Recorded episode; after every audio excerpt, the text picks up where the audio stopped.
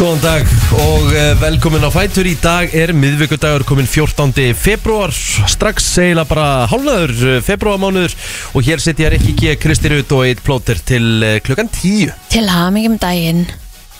Valentínusardaginn. Já, valdsdagurinn í dag. Já. Það er öskudagurinn í dag Já, Þú veist, til ef- hamingjum Ef við öskudaginn byrjum nokkur náttúrulega á íslenska dag, þú veist, dagatalinu þá er öskudagurinn. Mm. Svo tókum við upp en hann fallega sig í valdinsdaginn Já, ég bara basically you can trouble me for a warm glass of shut the hell up. Já, þú nennir þessi ekki. Nei, við erum ekki valentíns að deginum sko. Nei, um eitt Við, við hérna, höfum gert það bara og bara mjög, mjög samrýnd uh, hjónin Já, Við, hérna, við höldum upp á hérna, bóndadag og konundag. Um eitt Og mér finnst það mjög fallegt sko. Já, Því að konudagur er svo líka bara 20. hann er bara, já, hann er bara og 5. til, eitthvað. já, hann er bara til smá sko. Já, hegi Jú, Er hann ekki bara núna í hann er ekki núna sundan heldur það næsta? Já, eitt Nákvæmlega. En það er alveg gaman þessum að hægt að alltaf auðvelt að gera sér smá dagamun og og það væri nú ekki nema, nema ergi myndi koma heim með blóm eða eitthvað svolítið er það bara Ég, geri það nefnilega sko á konundaginn sko þú veist Já, á- og finnst þér það þá svona basically Svolítið svona að skemma Skemma konundaginn um mitt Þú veist það er bara Ég- mjög sko. ég skil þig alveg með Kannski er það. það. smá tuð sko en, Mm. en það er bara ég. Já. Að því líka verið Að þetta er svo- samrýndi í sko. að Þetta er svo stutt á milli líka sko. Já, þetta er mjög stutt á milli sko. Þetta er basically bara tíu dagar sko. Já. Þá svona ertu að meina þetta svona, hvað ég segja, bara svona taki yfir gleðina sem að kemur eftir tíu dag og gera þetta í dag. Akkurat. Já. Vi, Við tókum þetta bara Við tókum þessu ákvörðum bara saman. Mm er, Heldur þú aldrei valdís að daginn? Gegnum tíðina? Jú, jú, Hvað gerur það er bara eitthvað næs. Hvað eldaði blóma eða eitthvað. Já. Hinn er dagarnir er svo stærri. Sko ég, hérna, er þetta ekki bara svona eitthvað súkulaði heim eða eitthvað svona stöð? Bara eitthvað svona kósi í kvöld? Má ekki gera eitthvað svona þannig? Ég mun elda í kvöld sko. Já, já.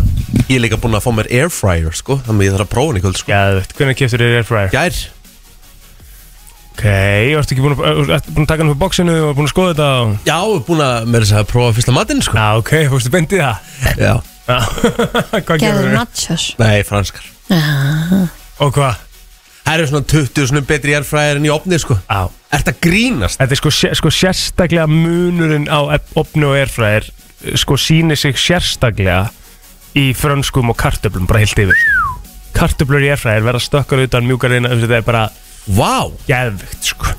Já Og þú veist, þetta er ekki það dýrt tæki sko.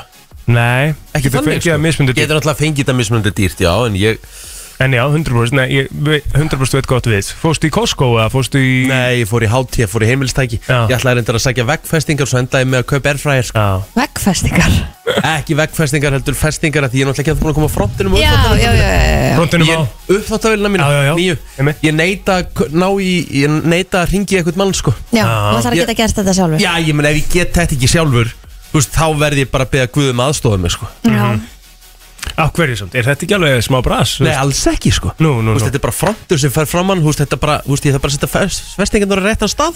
Svo smellist þetta á vélina Og þá er þetta bara komið sko. Já, mennar Þú veist, Ok. að því ef eitthvað kæmi Vanur, hann myndi hlæja sko. Já, ok. Þetta er rosa einfalt þá áttu að vera löngu búin að segja mig þar Já. basically. Já, ok. En þetta er bara, veist, þetta er bara ég sko. Mhm. Það er að kemur að innar, innar, hérna. Þú ert góður í öðru sko. Já, já Ef við ferða þess í það, þá hérna, þá erum við þar saman félagarnir. Við erum góður í mörgu öðru. Já, já. Herðu hins vegar, uh, hörku þáttur hér á öskudaginn og valentísudaginn og ég veit ekki hvað og hvað. Mm Það er svona hérna- Það verður sungið í þetta allavega. Já, það er sko, það er svona blanda við alvarleikan og, og léttleikan í dag. Nú? Fa Falleg blanda. Já, um, En klukkan átta uh, í dag Þá ætlum við, að- að- að fá heimsók frá Elísu Hafþórsdóttur sem að setti inn Facebook status í gær sem að er uh, gjörsamlega búin að springa út. Mhm. Fór svo minn leiðis inn á vísi.is þar sem hún var aðeins að ræða uh, bara svona skinkur, pulsur uh, hangjáleik og slíkt annað kjöt sem er inniheldur sérstakt e- e-efni sem heitir E250 sem er rótornar og litarefnis uh, í skinkunni. Og það var svona aðeins verið að sína frá því hvernig hvernig hundurinn hennar brást við því að borða þetta efni. Akkurat. litli hundurinn hennar sem var mjög, mjög ungur líka í þokkabót sko. Þannig að við þurfum að fá hana til að ræða við okkur um þetta tildekna efni því það er mjög hérna, skipta skoðanir á þessu.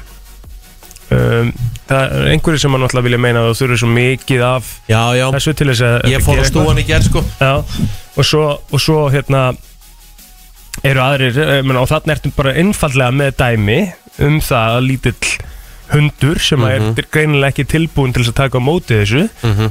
uh, fær e Eitrun. eitrun. út frá þessu þannig að hérna og það er þá allavega uh, nóg til þess að vera með ákveðna forvörn og spyrja sig af hverju er þetta tildekna efni þá notað heilt yfir ef að það er hættulegt gagvart litlum börnum og hundum sko. Ég googlaði hvað þetta efni væri banna og þetta er bara banna á helling af stöðum mjög mörgum stöðum Já, þannig að hérna, þetta er þetta er svona aðtilsvert, við þurfum aðeins að Ég sé hérna að því að við, það voru fleiri sem fóru að fjalla með þetta líka uh, Kristín Kaldal á Instagram. Já, hún er um þetta að fara yfir þetta líka. Hún segir að skinkan frá kjarnafæði sé svo eina sem hún hefur fundið sem er ekki með þessu E250 efni í. Já. mm. það er eitthvað luxusskinga frá kjarnafæði ég veit reyndar ekkert hvort þú þetta er En- einhver luxuskinka Það er nú heita það, sko, mér syndist ég sjá það eitthvað stærri ger En það er bara, Það- þú veist, það er bara skingan. Þá spyr ég mig að einu. Ef að sko eins og til dæmis skinka er oft með hérna græna skráakatinu er það ekki bara eitthvað annað? Já, er græna skráðgat ekki þá kannski bara umbúðunar eða eitthvað? Nei, Nei, það, það- það er hollista vörunar sko. Já, já ok, en þetta er Græna sko skráakati þýðir að varan sé holl. Þetta, Þú ferð í búð Og svona raunverulega skoðar þetta í búð Já, Og sérstaklega, þú veist, unnar kjöturur og, og annað Þá er þetta eiginlega í öllu. Þú, Það er mjög erfitt að komast hjá því Ef þú vilt, flestum Báðir. unnum kjöturum já, já, þú veist Ef þú vilt fá þér einhverjar einhverja kjúklingaskingu eða bara vennilega En er ekki hægt að nota annað efni sem er ekki krabbmessaldandi? það er líka í fleiri vörum með bara skingu af því að einmitt, Kristín Kaldal fer líka yfir ostana sem við erum að borða Já, já, og það er bara pizzaóðustur hérna er með einhverjum hérna einhverju ógislega efni í sem er sko með svona gulum viðvörunar hérna gæja á umbúðunum sko. Ég er að fara í ristilspeglun sko. Og hérna Þetta er nefnilega, þetta er svolítið óþægilegt. Og þá eru þeir að Þægilegt með hérna eitthvað e efni sem er uh, E252 sem er krabbamessvaldandi efni. Þú veist í góða ástunum í meiri segja hérna uh, gotta. Mm það er vist vest af öllum því að það er litarefni í honum. Einmitt. Og af hverju af hverju er þetta efni, leikt í mat, ég skil ekki alveg Nei, mér finnst það er rauninni bara gr- grunnurinn af þessu og þetta ánáttúrulega að vera til þess að viðhalda vörunni. Að ég, ég vil bara betur. frekar að einhvern veginn að hún endist það bara stittur, eða ekki? Jú, og svo, og svo er það líka þannig að, að þetta er náttúrulega líka sko, til þess að viðhalda rauða litnum í kjöt er til dæmis E250 mjög mikið notaði það, það, þetta er nefnilega Mm. litarefni og þetta litarefni víst, það er það sem er svo krabbmessaldandi ég þarf og, ekki það þetta er í litarefni kla- sko. og það er í class 1 sko, með krabbamessaldandi, það er bara í sama flokki og sígarettur. Já, Mhm. einmitt Einmitt, og það, þetta er bara svona, það, það eru margir sem að ætlum að- fara betur yfir þetta eftir Já, og það eru líka einhverju sérfræðingar sem við þurfum líka svo kannski að ræða við uh, setna meir sem að Mhm. vilja minna að þú þurfir svo, sko, sko fullorðin líka með þarf svakalega mikið að þessu efni til þess að eiga að vera eitthvað hættulegt Mhm. En mér finnst, mér finnst nóg að eitthvað efni sé í grunninn krabbaminsvaldandi, sko Já, algjörlega. Veist, og mér finnst nóg að litlu hundarnir okkar geti fengið eitrun. Mér finnst bara, ég meina, það er búið að setja þetta allt saman á síkaretinnar, ógislega ljótu myndirnar og það allt saman, af hverju er það ekki sett á maturinn og þá líka? Nákvæmlega. Einmitt, við þurfum aðeins að fara við þetta eftir Þannig að þetta verður svona Þetta verður uh, bara í rauninni á, áhugavert Við þurfum ég- að skoða þetta. Og eh, ég er að vinna í því að fá líka heilbyrðisráðherra til okkar á morgun. Minn mann Viljum Þór Þórsson. Einmitt. Við munum náttúrulega ekki bara ræða þetta við munum náttúrulega ræða þegar hann kom og, hérna, stýrið æfingu hjá mér einu sinni. Já, við þurfum alltaf að ræða það líka. Við þurfum bara, þú veist, Við þurfum að taka létturundurinn á milli. þurfum bara, þurfum bara að fara yfir viðan völl. Já, herru og svo náttúrulega klukkan 8.30 þá ætlum við að tala aðeins meir um sjóngakeppnina Við erum búin að fá hérna keppindu til okkar. Og Anita ætlar að koma til okkar í dag Áslarðan kemur 8.15 Áslega Arna kemur 8.15 já, einmitt. Og hérna, það var tilkynnt í gerð hjá LAI að þeir ætla að leggja niður skólagjöld. Mhm. Það sem Áslega Arna var að koma með eh, einhverja breytingu í gegn sem við ætlum að spurja hana aðeins út í. Og svo er bara stuð og stemming á miðugudegi maður. Við ætlum að gefa einhverja uh, söpbi vislu bakka Já, já, nóg með að vera. Bara fullt um að vera. Er Kom okkur á stað 14. februar í dag. Við ætlum aðeins að eh, skoða hverjir eiga afmæli í dag. Ég var nú eitthvað aðeins að rúla yfir þetta. Simon Pegg, ja, hann er góður. Hann var reyndar afmæli í dag. Það er ekki. Það er alveg nafn, sko. 100% mm Þannig að hérna Hann er svona kannski stærsta stjarnan sem afmæli í dag. Becky Hill reyndar líka. Simon Pegg náttúrulega er búin að vera í einni sko, af mínu uppáhalds grínmynd allra tíma. Má ég giska hver, hvað myndið er? Mhm. Hot Fuzz. Rétt Það er ógeðslega vannmetinn gaman. Geðveik mynd ef Þeir, þeir sem hafa ekki séð hana, þið verðið að sjá hana. Allan daginn sko. Þetta er svona, þetta er svona spennu gaman mynd. Þetta er spennu gaman mynd. Og hérna náttúrulega Nick Frost hérna karakterinn í, í hérna hvað heitir hann í myndinu þetta er bara konstant, hvað heitir hann þetta oh, manna ekki, en hann er geggjaður sko. Það er, það er löggumann sem er alltaf með hann líka. Hann Já. gerir þetta gott sko Hvað var hann bara Martin tvítugur eða eitthvað þegar hann uh, lekið sér mynd? Nei, 2007 myndin. Þannig að hann er, hann er 37 ára hana Mhm. Svo leik hann líka í Shaun of the Dead. Þannig var verið að gera svolítið grína þessum uppvaknings Myndum sem voru þá í trendi. Já, já, og þáttum sem voru þá byrjaðir sko. Þannig er það svolítið að byrja. Mm Og það var hérna Veit ég hvort hún lifið vel sko En mér varst nú fyndin þegar hún kom út. Shaun of the Dead. Já, Paldi á síðan okkar, þá er Simon Pegg og það- sá, sá fyrsti sem við teljum upp. Hann er með 34 á síðan okkar sko. Ég veit það, ha, galið sko. Ég veit ekki einu svona hverju fyrstu svona 15 eru. Já ég er ok. bara að vera að vera samanlegaðir Kristinn Já. sko. ég bara hef ekki hugmyndum. Ég sé þennan Freddie Highmore endar jú, auðvitað. Sem að leik náttúrulega Charlie and- hérna, þegar hann leik Charlie í Charlie and the Chocolate Factory. Já, ekki sé hana fyrstu myndinni ekki sem sagt Já, sko. já, hann göm- Charlie? já, gömlu. Myndinni sko. Ólei þegar hann finnur þetta golden ticket Já. Geðveik mynd. Erðu, Sakka Legan er pælt í því, hann er hérna uh, 60 í dag. Mm. en hann er þekktastu fyrir að leika B Billy Peltzer í uh, myndinni Gremlings hann leik bara úlingin þar sko. Þá var hann bara tvítur þegar hann leik í myndinni af því að það eru 40 ár síðan að Gremlings kom út. Hvað heitir hann sér?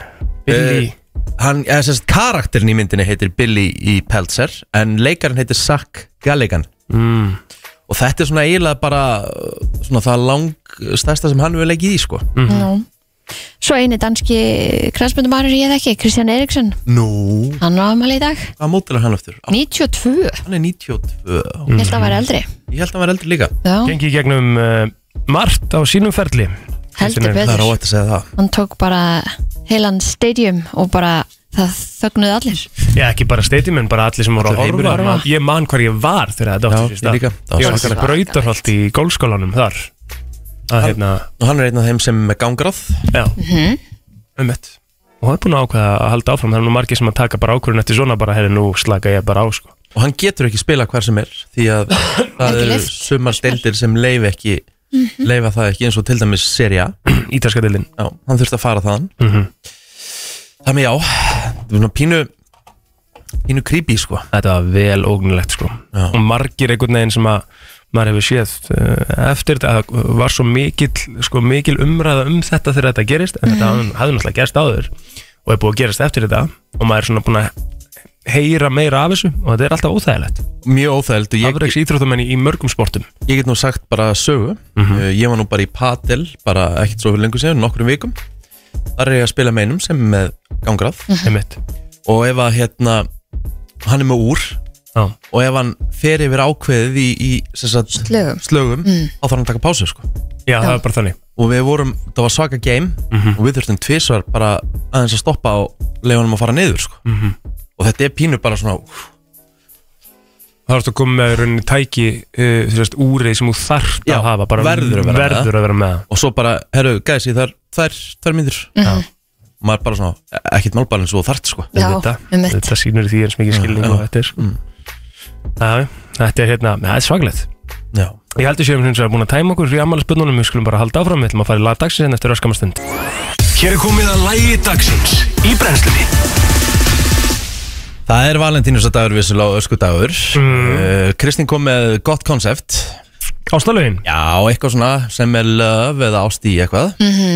Já, það er náttúrulega mm, öruglega stærsti katalógin af lögum sem saman hefur verið. Ég held að um. Já, og hérna það er svona, ef maður googlar bara svona eins og ég gerði hérna bara best pop, pop love songs of all time. Þá kemur einhver listi þú veist og það er efst á blaði er I will always love you með Whitney Houston. A Moment Like This en náttúrulega Kelly Clarkson. Geðveikt lag. Það er rosalegt lag. Svo ertu með All of Me með John Legend. Your Song með Elton John. Akkurat. Þetta er styrlu lög. Ég segi Kelly Clarkson Já, þetta eru náttúrulega lög sem að eru bara einhvern veginn alltaf klassik lifa alltaf Mhm. Er ekki bara því að Idol er líka nýbúið hérna á Íslandi og Svo ertu náttúrulega með Somebody to Love með Justin Bieber og Usher sko. Það er náttúrulega Kristín? lag líka sko. Ha, já, ég er til í það, alveg klálega, með Kelly. Nei, Kelly, það ekki, Já. ég er nefnilega líka sko. Hvað heitir aftur segið? A moment like this. Some people wait Vá, hvað ég í það Ég er ógísla til í það líka. Það er bara selt. Herri, á hvernig var dagurinn ykkar í ger? Um, Gekkjaður, það var bara, ég var bara að vinna og svo fór ég að hérna, heim til tengdó því þá var bara að fara af stað uh, snembúi sprengidags matabóð Mhm. Jöfull, er þetta góð matur? Já, ég var afveld Er þið samt ekki að finna fyrir, ég fyrir mig líka Já, bara ég ekki vel, sko. Ég er ekki það. ég- ég með illt í andlitinu og bara svona, Aha, já, Ég Ég með vassbrúsa inni hjá mér í ég líka, sko. Já Einmitt, ég er alveg svo, svo sem alveg góður út frá því sko. Ég drakk reynda mjög mikið vatn með matnum. Já, það er nöðsynlegt, sko. Eitt bjórendar og svo alveg svona tvo klaka. Já, ég hérna gerði það líka. Ég, hérna, Ég borða bara- allt og mikið. En veistu það? En þetta er svo gott, sko, eins og ég sagði við ykkur í gær. Þú veist, ég var, fór í matið mömmu og þetta er svo gott kjöt. Þetta bara gleymist hversu gott þetta er. Af því að þú borðar af því að, þú, veist, af því að, af því að þú borðar þetta bara einu snori Ég veit það. Og svo þegar þú borðar þetta þá ertu bara eitthvað, nei, þetta, er getur ekki verið svona gott. Á, og þetta voru reyndar, sko, hérna, tengdó var með einhverja svona vel, svona sérvalda bita, Já, mikið það. Mhm. kjöt á þeim og svona Já, það var ekki mikil fitt á Fita. mínum bitum Nei, og ekki hjá mér bara, heldur. fo- sko, fall off the bone dæmi, bara Já. tekið upp á pottinu og það var alltaf hægt og þetta var svo gott, Gott, sko já Voru með hvít- Kartöflumús. hvít hvít með kartiblumús uh, Kartöflumús já, kartiblumús með, Ó. rófur og gulrætur Já, það er rórgulrætur og og svo bara kartöflur, já. baunasúpa Ég Já. var með vennilega kartöflur Já, venjulega kartöflur, ég líka Já, við erum með músina mann Á, ok Hvenær er músin verri? Músin var geðveik með Já, þessu sko. alveg potið, ég bara hef aldrei en Og svo bara baunasúpa bara með, við erum ekki með sósur Eða Já. sósur með þessu Nei, baunasúpuna bara Já. Þú veist sem er, hérna En voru ekki með þykka. hvíta með það? Hvíta sósu Uppstú? Ertu með uppstú? Já, Já. mamma sagði mig það í gær að það eru sumir sem eru með Við uppstú vorum með það var hvít með í okkur Aha. sko. Já ah, okay. Ég nota í rauninni bara músina svolítið með sem Já, sum sósu svona sósu sko. Já. Já, ok En, En, en, vorum en, með sko. en er líka Hún er að vera betur og betur með aldrin, ég er að finna það. Já, en ég spyr ykkur aftur Degir þetta með fóreldrum okkar? Nei, Nei. þessu mun ég halda ég halda líka Já, við. alltaf, Sammála því. 100% Það eru ekki ekkert flókið að elda þetta. Ekki einu svona árið, það getur ekki verið. Þetta er ekkert blókið, þú heldur bara þessu bara í pott sko, þú Já. síður þetta bara í nóg djöfull langan tíma sko. Bara, ég held að þetta sé í alveg bara þannig. Maður það er svo sem að koma að staði hvort það sé eitthvað annað sem er sett í pottin Mhm. eitthvað svona er sett ykkur teningur eða eitthvað mm Mhm. -hmm. djöfull er þetta gott maður, gleymist svo bara fór ég heim og var aðeins að vinna í tölvunni heima og var að klippa smá á og sopnaði upp á tíu sko Já, þetta var sama hjá mér bara Ég- góð. Veit ekki hvað er að gerast hjá mér Ég fór upp í rúm klukkan nýju Mhm. Ég var samt ekki sopnaði fyrir að vera hálf tólf sko hvað ert að gera svona lengi Kíktur á klukkur áður Ég- Já, ég var bara, ég þurfti að fara að pissa og náttúrulega, ég var náttúrulega endalust Ég var búin að drekka svo mikið af vatni. Tvo og hálfan tíma sem þú ert í rúminu að reyna að sopna þetta um tíma. Það er ekki gott. Svo sett ég á einhverja leðilega sögu og þá sopnaði ég. Einmitt. En ef þú ert ekki segja hvað? ef þú ert að fara upp í rúm klukkan nýju mm uh, þá hlýtur að vera orðin þreyttur mm, Nei, ég var nú eiginlega ekki þreyttur Þegar ég hérna en ert að setja sjónvarpið í gang klukkan nýju Ég náttúrulega var að horfa á, var náttúrulega í rúmi Ég var náttúrulega að horfa á Champa League sko já, já, einmitt En þú veist, þetta var ekki þannig leikir að ég var eitthvað bara með augun bara Nei. pikk fast á skjánum sko Nei. En hérna, já, svo endaði með því að ég var búin að fara að pissa í þriðja skiptið síðan uh, ég borðaði Mhm. Þá hérna, þá setti ég á þessa sögu og kol með að myrkra herbyggi og, Mhm. og þá sopnaði ég. Það var mjög leiðileg saga. Það, veist, Þetta er Þetta frábær, gott, frábær fínt að nota svefnlíf hana. Já. já, En mér finnst skipta svo miklu máli hver er að lesa. Ef þetta er sefjandi rödd sko. Já, þetta var, þetta var sefjanduröld Já, en líka bara ef þú ert að fara að hlusta á einhverju sögu sem einhverju er búin að mæla með og lesandin einhvern veginn bara trublar mig, Já. þá get ég ekki hlustað. Skiptir hellingsmáli Já. þú veist, og auðvitað er það mismunandi sko, Já. þú veist, eftir bara fólki hvaða fílar. Mm en ég man sko uh, þú veist, og það er einhverju sem að tala um að höfundur að lesa sínar eigin bækur þú veist, er alveg uh, eins og Harry Bretaprins og eitthvað að lesa sína eigin bók. Já, þú veist, fólk var svona mismunandi með það eitthvað líka, mm. þetta er bara mismunandi eftir fólki svo sem, hvaða fílar. En þetta var nú bara kósi dagur í gær, en þú varst í saman bakk og ég bara, varst sopnum tíu já, bara Já. mega næs. Já, Saltkjöt og ég, já, já, ég hérna, eins og segi, ég kefti hennan airfryer og fekk mér svona síðdegi snarl. Mm. þá setti ég frölur í, í prófaði það og fekk mér hérna bara samlók í grilli. Veitu, wow, Með veistu, bara kollara. Grilled cheese, Já. röllur og kollara. Já, það var Fullt af efnum. helvíti gott ma- Já, fullt af efnum. Ég setti sko, veistu hvað, fyrsta sem ég gerði í erfræðinu mínum? Mm. Það var begla. Setti Já, beglu í erfræðir Með osti og skingu Já og settur, settur ostin og skinkuna í beigluna og Ég lokaði bara beglunni oh. Með rjómaosti, osti og skingu og eitthvað svona.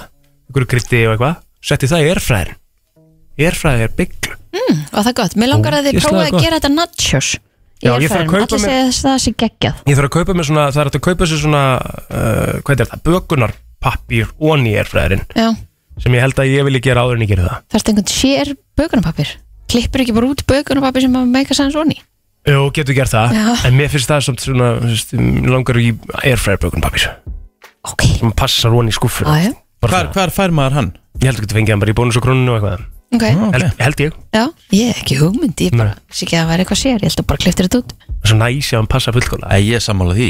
Já, já, verður Ég er þetta ekki góður að klippa. Nei, ég er að segja það líka sko. Þannig erum við sammála félagin Þurfa að fara í eitthvað svona ekstra í staðan fyrir bara að þurfa að set, setja nonni í skilur Aðja, Já, En ég skal gera það um leið, um leið og, hérna, og það er komið. Já. Hvað er þetta? Er þetta eitthvað spes? Ja? Nei, bara, þú veist, þetta er eina sem maður sér á TikTok að allir er að gera. Ok. Ég er endur að sé Nachos með ástinum og öllu shitinu að nónu. Já, ég hef séð náttúrulega sko miljón uppskriftir af einhverju erfræðir og aldrei séð þetta nachostöf mm. Ok, Já, þetta er mismöndi Mismöndi algoritmi. Það er bara þannig. Herru, við höldum áfram, við ætlum í umræðan eftir öskama stund og svo stýttist í fyrsta gestdagsins. Uh, Við ætlum að ræða eins við þannan uh, tildagna gest um E-efni, E250 Elis ætlar að koma inn til okkar. Hún setti uh, statusin á Facebook í gerð sem að fór út um allt. Tónlistarstöðin. FM 957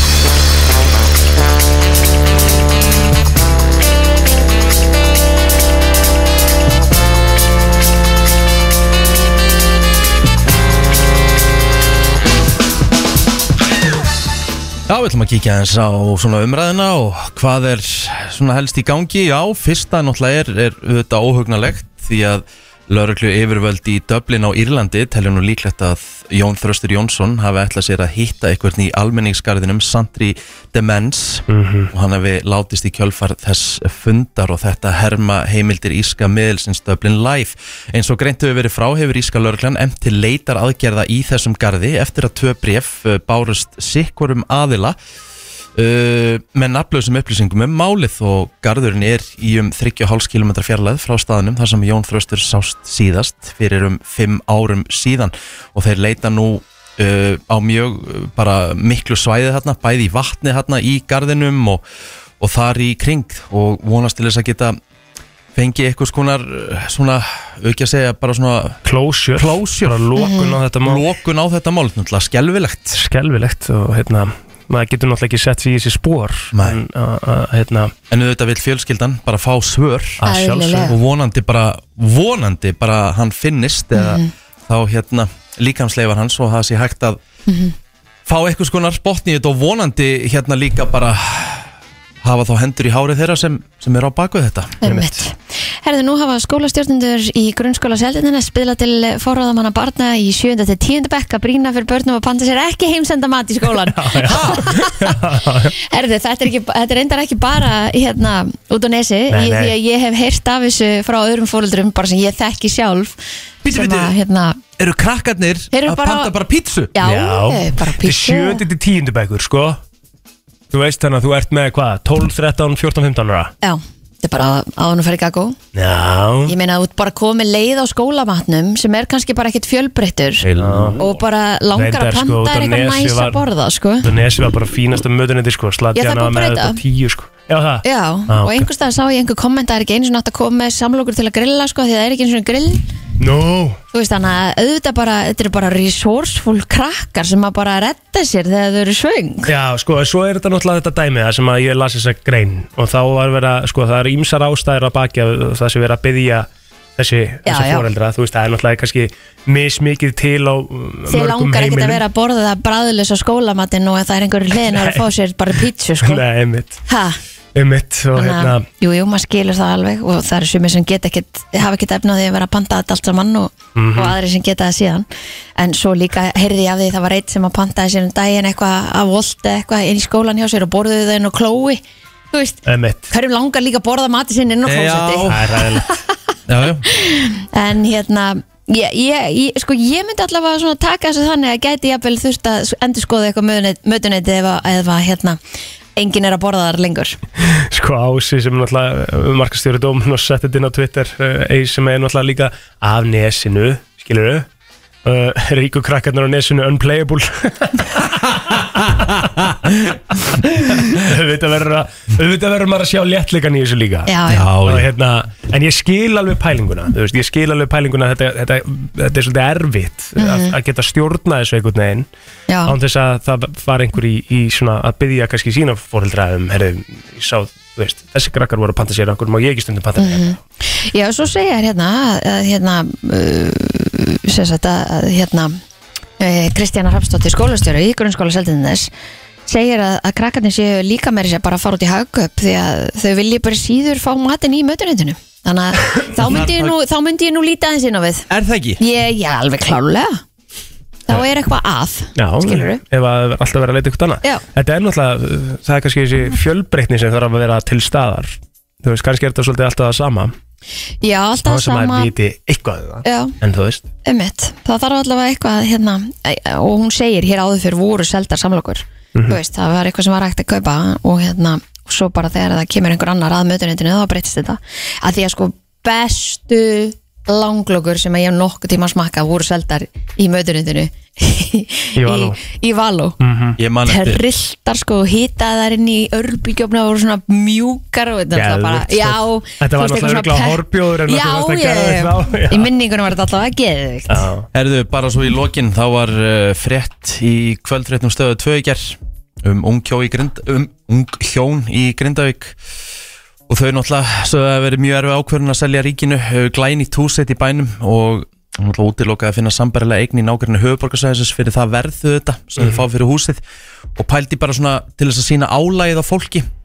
Þá var uh, þessi kona sem var í viðtælu uh, sem heiti Þurriður og hérna hún fekk uh, flogakast í fyrsta skipti á æfisinni núna bara fyrir einhvern tveimu vikum. Og það er rakið til streitu og álags bara svona til að setja í samhengi hvað fólk er að díla við þarna 100% og bara hérna, ömulegt að sjálfsögðu að, að, að þetta sé staðan. En pældi í þessum, að reyna að setja sér þú er bara búin að missa þína stærstu eign. Það er alltaf að tala um að húsið þitt og, og fasteignkaup er stærstu kaup sem þú gerir. Bara lífið þitt. þetta er bara lífið þitt. Og hérna, þannig ég geti trúa því að þetta sé svolítið staðan. Og mér finnst eins og það þurfa að vera uh, svona aðeins uh, hvað ég segja, snegri verkferlar þegar kemur að þessu sko. Þú veist, að láta fólk býða svona lengi í þessar óvissu en svona öllum til varnar eins og þar þetta er náttúrulega bara þetta er fordæmalust, þú veist, þetta er náttúrulega bara nýtt það hefur enginn gengið í gegnum eitthvað svona sko. eins og með, þetta er náttúrulega þú veit, já en í Vestmannum, já með Vestmannum, það, það var hægt að flytja aftur inn í bæinn þar sko. Mhm. en það er, þú veist, stefnir ég að það verði ekkit hægt í Grindavík sko. Sumir vissulega gáttu farið að voru náttúrulega hús sem að fóru undir. Al algjörlega, en svo var bara byggt á öðrum staðar Einmitt. kom bara ný hús á öðrum stöðum en eins og bara Grindavík, þetta er bara heill bær sem verður sennilega ekkert búanlegur á kannski næstu tugir ára. Einmitt, það er spurning. Herðu, uh, svo svona kannski aðeins í léttleikan Mm. Það er svona eiginlega tvent sem ég, við verðum að ræða hérna viðbót í umræðinni En það er sko annars vegar það að Fílambrestrandir náttúrulega triði sér Afrikumeistaratitilinn með sigri á Nígeri í úrstæðleik uh, um helgina síðustu. Já, uh, Fósetti landsins, hann var mjög ánæður með uh, leikmenn liðsins. Heldur betur. Uh, hann, Já, hann var mjög ánæður með á Hann sérst tók á móti leikmenn liðsins í gær og hann færði þeim gjafir með þökkum frá þjóðinni. Já, Ok. mjög fallega gefur Mjög fallegar uh, gjafir. Veilegar, skulum við segja. Já, allir leikmenn liðsins fengur sérst 50 miljónir CFA franka en, eh, en það jafngildir 11,3 miljónum íslenskum króna. Já. Já, En býtu, já heyrðu, svo fengur líka allir einbýlishúsagjöf þetta grín Það er svo sko þjálfarin, MRS Fæ uh, hann fekk reyndar tvöfaldan bónus. Þannig að hann hefur örugglega Hann var nýr, sko, húst, hann, hann tók við liðinu bara í miðri keppni. Ah, það, þetta er já, byrju, Gasset var reikinu til slaka framistu í Já, riðlakefn þeir rétt skriðin í útsláttarkeppnina og, þa og það var ekkit verið að grínast. Þeir ráku bara þann þjálfur og tóku nýjan og hann bara kláraði mótið. Lól Og þessi þjálfari sko fær 22,6 miljónir íslenska króna og þá væntalega tvö einbríshús Já. Hlifnið Þetta er magna. Já, en heyrðu, svo kannski aðeins líka hérna bara eh, alveg í lokin til, til að vekja aðtegla því þetta er, þetta er alveg lett at, atriði sko að hérna, það hefur verið að dreigja úr þáttöku kvenna í legháls og brjóstaskimunum á Íslandi. Já, og árið 2022 þá mættu aðeins 52% þeirra sem fengu bóð í það Þetta er er ógeðslega vond sko. Já, er það staðan? Já, en er þetta ekki nöðslegt? en þetta er nöðsilegt Það eiga allir að fara, auðvitað Bú- Maður er alltaf að fara það meira bóður Mm Að sjálfsög Þetta er sko, þetta er konungreða í dag 6.000 krónur fyrir brjóstaskimun en aðeins 500 krónur fyrir leghálskimun og heilsugislistöð og þetta er, uh, eins og þú segir, er þetta ekki bara svona að talað um að fara árlega í þetta? Jú, jú, Er ég okkur í gang með þetta? er ég okkur í gang. Ekki? Herru, við erum að fá fyrsta gest dagsins eftir smá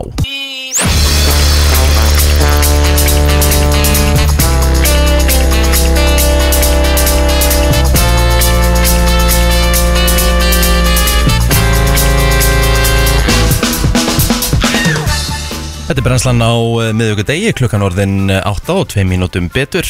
Rekki G. Kristi Rutt og eitt plótir að sjálfsögðu til klukkan 10 og við erum komið með fyrsta gestin í hús og já, þetta er nú umræða sem þarf heldur betur að taka eins og til dæmis ég og þú eitthvað við erum hundaeigundur Mhm, og ansi margir á Íslandi sem eiga hunda. mhm Öllum stærðum og gerðum Öllum stærðum og gerðum og gerðist bara mjög óhugnalegt atvik. já, svo þegar maður eh, einhvern veginn sér þetta gerast fyrir hund Mhm. Já, þá fer maður svolítið að pæli ok, ég er að setja þetta onni mig. Já, hvað gerir þetta og maður er að setja þetta honni í litlu börni sín. litlu kroppana. Þú kannski ríkapar þetta eins eil. Já, ég er að hugsa um að leifa kar- kannski bara gestinu svolítið að- að gera það. Hún heitir Elísa H. Hafþarsdóttir uh, og hún sett inn status á, á Facebook í gerð sem að fór heldur betur uh, víða. Elísa, verður velkomin. Já, takk fyrir Getur svona fyrir þá sem að kannski vit ekki uh, um máli, getur þú sagt okkur bara aðeins uh, frá sögunni sjálfur, hvað, hvað er það sem að gerist uh, hjá ykkur kóta eh, sem er hundurðin? uh, til að gera langasögu stutta að þá er rauninni bara að gefa ég henni svona verkefni með henni er elda í eldúsinu Mm og hérna, þetta er svona dót sem maður setur mat inn í og hún var náði út -hmm. og ég nota skingu og síðan bara tekið eftir kannski einhverjum hálftíma síðar að hún kemur inn í eldús og er bara titrandi Mhm. Og ég bruna með hann upp á spítala það minnst þetta óeðlilegt Mhm. og uh, við sjáum öll strax að þetta er uh, mjög líklega einhver eitrunar áhrif og það er dælt upp í maganum, skoða magan ekkert í maganum nema uh, skinga og smá matur og niðurstaðan er svo að hún hafa fengið eitrun út af skingunni Og eitrun út frá skinkunni uh, kemur þá í rauninni út frá efni sem er inni í, inni í þessum skinkum og inni í flest öllum unnum kjötverum á Íslandi. Það er bara mjög erfitt að skoða kjötveru í Íslandi og sjá á pakninguna að það sé ekki þetta tildegna efni sem er talað um hér sem er E250. Þetta efni er eitthvað sem við uh, borðum daglega flest öll, uh, sjáum að er í rauninni þá bara mjög skadlegt efni fyrir uh, þá litla hunda sérstaklega og litla líkama eða. Já, vendalega hefur það meira áhrif á eitthvað sem er léttari Mm heldur en eitthvað sem er stærri Einmitt. Og þetta sko þetta, hún, hún hefur ekki borðað mikið Sko, ég reif niður eina sneið og þetta var svona samloku skinka sem er svona frekar kannski stór sneið Já. en hún borðaði ekki alla sneiðina sko Einmitt. þannig að þurfti ekki nefnum bara svona brota brot kannski Til svona að- tvo þriði ég ætla ekki að segja Framkalla. kannski hún hefði fengið pínlítið bita Mhm. mm kannski alveg stóran bita með að hún er lítil. Mhm. en þennan dag hafði hún borðað lítið og ég hugsaði alltaf að hún borðið eina skinkusneiði skilur að sjálfsögðu, ég meina ég- eins og, eins og ég var að segja og þú er ekki líka veist, ég er alveg döglegur að gefa nölu kjúklingaskingu sko. hef verið það, ég er hættur því núna eftir ég er búin að sjá þetta uh, af því að þetta er bara, þetta er ótrúlegt atvik og ég meina, ef maður fer svo að skoða eins þetta E250 það er kannski, segir fólk ekki neitt þetta er eitthvað efni sem að er uh, þarna rótvarnarefni, talið, mm -hmm. talið fram á pakningu sem rótvarnarefni, þetta er litarefni sem leiðis og þegar þú skoðar þetta efni eitthvað þá stendur einfallega bara að þetta sé very toxic substance skilur, að þetta sé rauninni krabbamenns valdandi efni. Og þetta er í flokki 1 yfir hvað mest krabbamenns valdandi efni Þetta er í sama flokki og sígaretur þetta efni er notað í rosalega mikið af mat hér á Íslandi og þá spyr maður sig af hverju veist, og, og þetta er þá kannski bara eilisa líka fyrir, fyrir þá sem eiga litla hunda. Nú ert þú búin að starfa mikið í kringum hunda ert að snirta hunda og ert búin að vera að þjálfa hunda. Þú veist, þú varst meiri sér ekki alveg með þetta á hreinu, þannig að þetta er mjög mikilvægt að, að rauninni að koma þessu út af þeir sem eiga litla hunda að vera þá bara ekki að gefa þetta efni, gefa í rauninni vörur sem innihalda þetta efni, mentalega Já, ég myndi segja það sko og bara sem fólk líka reyna að fórðast þetta efni sko. Og hvað sagði dýraspítalinn þegar að þessi niðurstað var orðin ljós? um, hún Hvernig komist þér að þessu líka?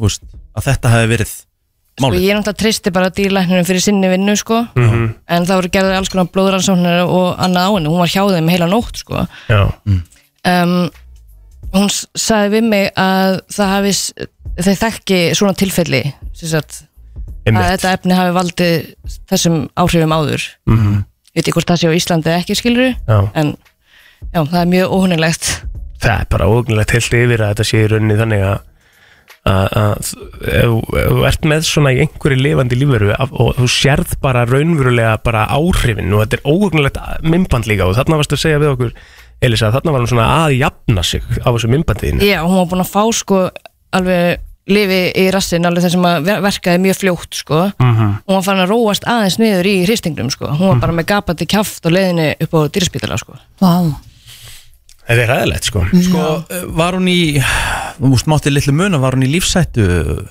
Já, sko, þegar ég talaði við dýralæknirinn um miðnætti og hún sagðist vilja hafa hana yfir nóttina þá sagði hún bara að þetta lítur ekki vel út. Ú Sko, nú er ég að kíkja til dæmis hérna eins og bara með þetta E250 efni þetta er til dæmis bannað í Svíþjóð þetta er bannað í Kanada og þetta er bannað í pulsuþjóðinni Þýskalandi Einmitt. já Þískaland gefur okkur bestu pulsur heimi sko. þannig að við En erum þið sjáu líka liturinn á mörgum pulsum í Þýskalandi er ekkit eins og hérna hjá okkur heima sko. á, einmitt Er þetta, ætli þetta sé efni sem að bara er hægt að taka út? Sé hægt að finna eitthvað annað Núna eru við komin langt í, í alls konar þróun með, með, með allt annað Ég las þetta þetta bara í og að- að nota eitthvað annað sko sem Já. er ekki svona skadalegt og krabminsvaldandi Já Þá er okkur skrítið að við séum að nota þetta heilt Einmitt. yfir ef það er bara í grunninn og En eins og, eins og maðurinn þarna sem að gerði uh, póstin þarna fyrir tveim árum eða eitthvað um þetta á, hann var að tala um sko að salan minkaði á, á pepperoni Já. eftir að þetta efni var tekið út þannig að þetta er virðist þeirra engungu nota út af náttúrulega sölunni sko. Já, og þá kannski getur maður trúa sko, af hverju minkar salina því að uh, hefur þetta einhver áhrif á bragð, finnst það mjög ólíklegt þetta er litinn, rótvatnefni sko. og litur. Já, þetta er bara hversu svona í rauninni appetizing það er að horfa á þetta en í rauninni er bragðið alveg það saman, þú ert að borða það saman en í rauninni. Tölvert hotlara ef við tölum bara reynd út sko. Ég myndi, ma maður myndi maður ekki alltaf velja það. En maður getur spurt það. sig samt akkur ætti kjöt að vera bleikt eða raukt skilur við, mm það er ekki náttúrulega. Já, þetta sem er sett saman í pepperoni okkur er skinka að vera bleik þú veist um mitt. Þetta er góða punktur sko. Og, þú veist, og við sjáum þetta bara eins og þetta er líka heilt yfir að, að það væri svo cool ef að við bara sem þjóð myndum taka ákvörðun um að bara þetta þarf ekki að vera hérna. Mm Við viljum þetta ekki. við viljum þetta ekki. Og þess vegna er þetta okkur trúlega mikilvæg umræða því að hérna líka eins og við erum búin að vera að tala vissulega um hunda og, og litla hunda en það eru líka bara litlu börnin og við sjáum að ef þetta er vissulega eiturefni eða getur valdið eitrun uh, þá eru samt sem að það er þannig að fullt af litlum börnum sem er að byrja að borða sko, bara í fyrsta skipta að byrja að borða sjálft. Og líka við vorum bara að lesa fréttir af því um daginn að, að hérna, tilfellum með krabbmins mun aukast um hvað? Var þetta ekki 30-50% eða eitthvað út af lífstíls uh, tengdum sjúkdómum? Já, út í heimi sko sem aðalega að, já, sem að getur þá náttúrulega líka stafað af þessu að við séum að inn- fá á hverjum einasta degi eitthvað í kroppin okkar sem að er krabbminsvaldandi En nú ert þú búin að lenda í þessu uh, með, með hundin Þú ætla vantarlega ekki að gefa hundinu um aftur skingu nei ég held ég sleppi því. Já, og ég held að það sé bara gott fyrir alla núti sem er að hlusta og eiga litla hunda að- að skoða á vörurnar sem að Vörurnar. kaupir í, út í búð. Það eru einhverjar vörur sem að innihalda þetta ekki einhverjar skingur sem að sjá uh, sem að innihalda þetta ekki. Og nú þarf bara að vera átak. Uh, ég held að það sé bara staðan. Það þarf bara að vera átak í þjóðinu að lesa á pakningar og þetta ætti þá náttúrulega ekki að vera í mat sem er sérstaklega gerður fyrir hunda þannig að þú ættir að vera nokkuð safe þar já. maður haldi það Já. Þannig að lesum á pakningar og við ætlum svo að að ræða aðeins betur þetta mál líklega á morgun Við heilbyrðisar að þrjá sjálfan við heilbreyðsaðara sjálfan. Uh, Elisa, takk kærlega fyrir komuna, takk fyrir að vekja aðtökla á þessu og takk fyrir þína vinnu. já, takk fyrir að hafa mig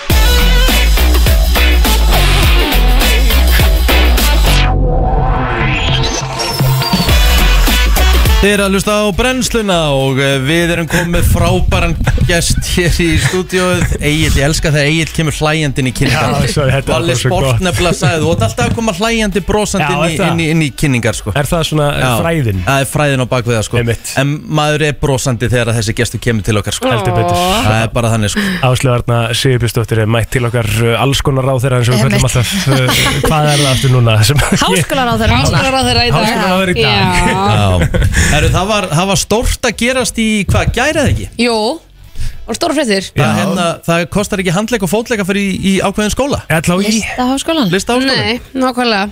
Hvaðan kemur þessi ákvörðun og, og þessi tildekna breyting? Getur þú útskýrt aðeins fyrir okkur sem að erum ekki alveg með puttan á púlsum? Já, sko, hugmyndafræði mín og af hverju ég fer í stjórnmál er svona kristallast í kringum jöfntækifæri og valfrelsi. Og maður hefur talað um þetta í öllum kerfum, hvort sem það er grunnskólar, það sem ég held að sé gott að hafa samkeppni, af því að þá tel ég að hluti batni, bara eins og það er samkeppni á útafsmarkaði sem betur fer og þið eru að keppa sem hlustendur og, hlustendur og þið bætið ykkur. Þú til dæmis varst að hlusta á rúf á leðninga Já, bara fekk heit þegar ég, mætti.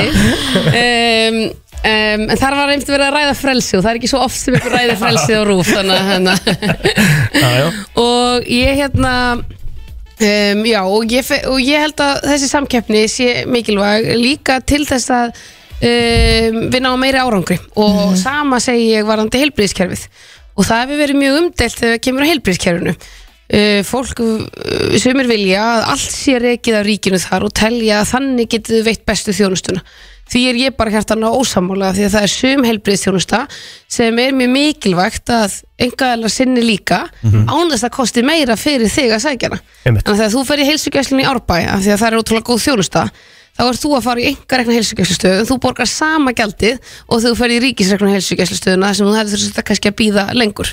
Af því að þá ríkis, ríkis uh, þjó, sko, ríkið er þá að þjónusta engareknu þjónustinu eitthvað eða? Já, þá borgum við sem sagt Já. uh, með þér af því að þú vel, valdir að fara þangað og ég ætla ekki að mismuna þér eftir hvar þú vilt sækja þjónustuna. Einmitt. Og, um, og þetta er svona grunn hugmyndafræði og grundvöllur þess að ég telji til dæmis hægt að bæta kerfin okkar án þess að það sé kostnaða meira fyrir fólk og sé að tryggja aðgengi óháð efnahag og öðrum þáttum. Um, en ég held að framlega einstaklings eins og lækna sem sjá bara, heyrðu, hér er hægt að gera betur það er hægt að innleiða nýjungar ég get innleitt meiri tækni, ég get gert þetta og þetta. Og þeir gerir það en fá svo fyrir með sjúklingnum mm sem kemur þá og sækir þjónustuna eh, frá ríkinu, þegar ríkið er nú þegar auðvitað að borga langstæsta hlutin í bæði heilbriðskerfinu og mentakerfinu mm því að við erum svona með uh, búin að ákveða það sem samfélag að það eru þessi kerfi sem við ætlum að standa undir en í háskólakerfinu að þá, og mentakerfinu yfirleitt að þá hefur einhvern veginn verið tekin ákvörðun að ríkið borgar að fullu með þér ef þú velur að fara í lögfræði HÍ Einmitt. En ef Kristín ákvörður að fara í lögfræði Bifröst þá borga ég bara 75% en hver er að borga, þetta er bara skattpinningar og af hverju er það sangjant að það fylgir þér bara 75% en ekki 100% Einmitt En þetta er kannski svona grunnurinn af því, af því að, uh, og það er kannski lögfræðin, en síðan kannski ætla þú að vera tónlistakennari og hann ætlar að vera leikskólakennari. Og þá kemur þú stór skuldu út úr námi af því að þú ætlar að vera tónlistakennari en þú bara borgaði skrásetningagjaldið uh, í HÍ og útskrifa sem leikskólakennari án þess að hafa margar miljón krónar skólagjald að lána bakinu þegar þú kemur síðan út úr námi. Ert nú þegar búin að fórna fimm árum á lífiðinu í háskólanám sem er mikil fórn og mikil kostnaður og síðan að fara að reyna að eignast íbúð og svo framvegis. Þannig að fyrir mér er þetta bæði sanngirnismál en þetta er líka svona hugmyndafræði að mér finnst ríkið hafi ítt nefndum í ríkisregna háskóla með þessu kerfi. Einmitt. Og þess vegna sagði ég við skólana þið megið ráða núna, þið getið þegið að fá 100% framlag eins og við segjum við aðra stofnanir um, þegar við erum að uh, láta fyrir fylgja fólki. Uh, eða þið veljið að halda áfram að hafa 75% og getið þóri eitthvað skólagjöld það er alveg val áfram en mér er mikilvægt að bjóða upp á þetta val svo að ríkið sé allavega ekki ákveða að mismuna einstaklingum Já, og þetta kemur þá í rauninu út frá því bara að allir hafi jafnan grundvöld í það að velja sér það nám hvar, sem að, og hva, hvar og hvenær sem það vill. Óháð fjárhastöðu Já, Já, í rauninni, það er svona grunnurinn af, af hugmyndinni. Og hérna, en á sama tíma þá eh, er skólum alveg sjálfvald sett að halda áfram að innheimta skólagjöld ef þau eru bara með það margar nefndur get ekki fjölgað eða svoleiðis. En okkur vantar líka mikið af fólki í ákveðnum greinum og núna klukka nýju er ég myndi að fara á þar sem myndi vera að tala um það að eitt er auðvitað að þetta sé samgætismál og við séum að skapa jöfn tækifæri. Annað er bara að byttu hvernig samfélag er að þróa sér á næstu árum og hvað vantar samfélaginu? Okkur vantar fullt af fólki í ákveðnum greinum og við þurfum þá fleiri inn í háskóluna Hvaða greina vandur okkur í? Sko, það er svona kristallast í kris- í kringum orðið STEAM það var orðið STEM en nú er AIð komið inn í það. Ok. og þetta er sem sagt fyrir uh, á ennsku er þetta sem sagt Science, Technology, uh, Engineering Arts, Mathematics. Já, þannig að hérna, þetta eru raunvísinda tækni og listgreinar. Mhm. sem þessi hugverk á tækniðina þarf gríðarlega mikið af. Og þessi hérna, og við höfum verið að menta bara alveg hræðilega lágt hlutfall í þessum greinum með við aðra þjóðir. Og það dregur samkjöfnishæfn okkar af þessi flottu fyrirtæki sem er að fara að vaksa og verða til og öll nýskupra fyrirtækin sem við erum að sjá verða uh, stærri og stærri á næstu árum um, að þau svona um, þau mun ekki stækka á Íslandi ef þau hafi ekki aðgengi að svona fólki. Einmitt. Og maður hefur heyrt líka mikið af uh, ungu fólki sem er að pæla í því í dag sem er kannski í GAGO eða framhaldsskóla eða þau eru að fara að velja sér leiðir hvert er með langar að fara og hvað er langar að læra. Að þau eru að reyna að finna sér uh, störf eða, eða svona path sem að AI getur ekki tekið af þeim. Já, einmitt. Það, er hérna, það er svona það sem þau eru að hugsa í dag. Hvað get ég starfa við, hvað get ég menta mig í? Einmitt. sem að verður ekki tekið af mér með verður ekki tölvu. tæknivætt. Já, og eðlilega hugsa fólk þetta. Um, og þar kemur stór þá er það kannski yngreinar eins og til dæmis við vorst að nefna líka. Já, og sumar hérna, auðvitað segjum við stundur líka að það er ekki gerðugreiti sem tekur störfið en það er fólk sem kann á gerðugreitina sem tekur störfið Já. þannig, að, hérna, þannig að þetta auðvitað þarf síðan að vera í öllu námi og það sem þetta gerir líka er til dæmis að arkitektin sem fyrir listaháskóla núna hann getur auðvitað þá teki verkfræði sem er nú alveg skynsanlegt til þess að vera hérna, í HÍ á þess að flakka betur á milli. Af því að það sem við þurfum að komast út úr er að vera í svona hefðbundnu að hefðbundi háskólanám sé eina rétta námið. Hefðbundnu leiðirnar. Af því að í einu sinni var þetta þannig að fólk var að menta sig fyrir ákveð starfsheiti. Það var bara, þú veist, og, þú varst bara eitthvað og var, vannst við það alla þína lífstíð þangað til þú hættir að vinna í dag er fólk miklu meira að fara í háskóla til þess að skapa sér ákveðna færni og það að blanda saman hlutum veist, taka eitthvað svona ólíkt taka tækni með einhverju mjög óvæntu getur verið það sem verður bara mikil þörf á í framtíðinni. Þannig að við erum líka að reyna að breyta því að það sé svona sveigjanlegra háskólanám og auðveldra að fara á milli háskóla og blanda námi saman.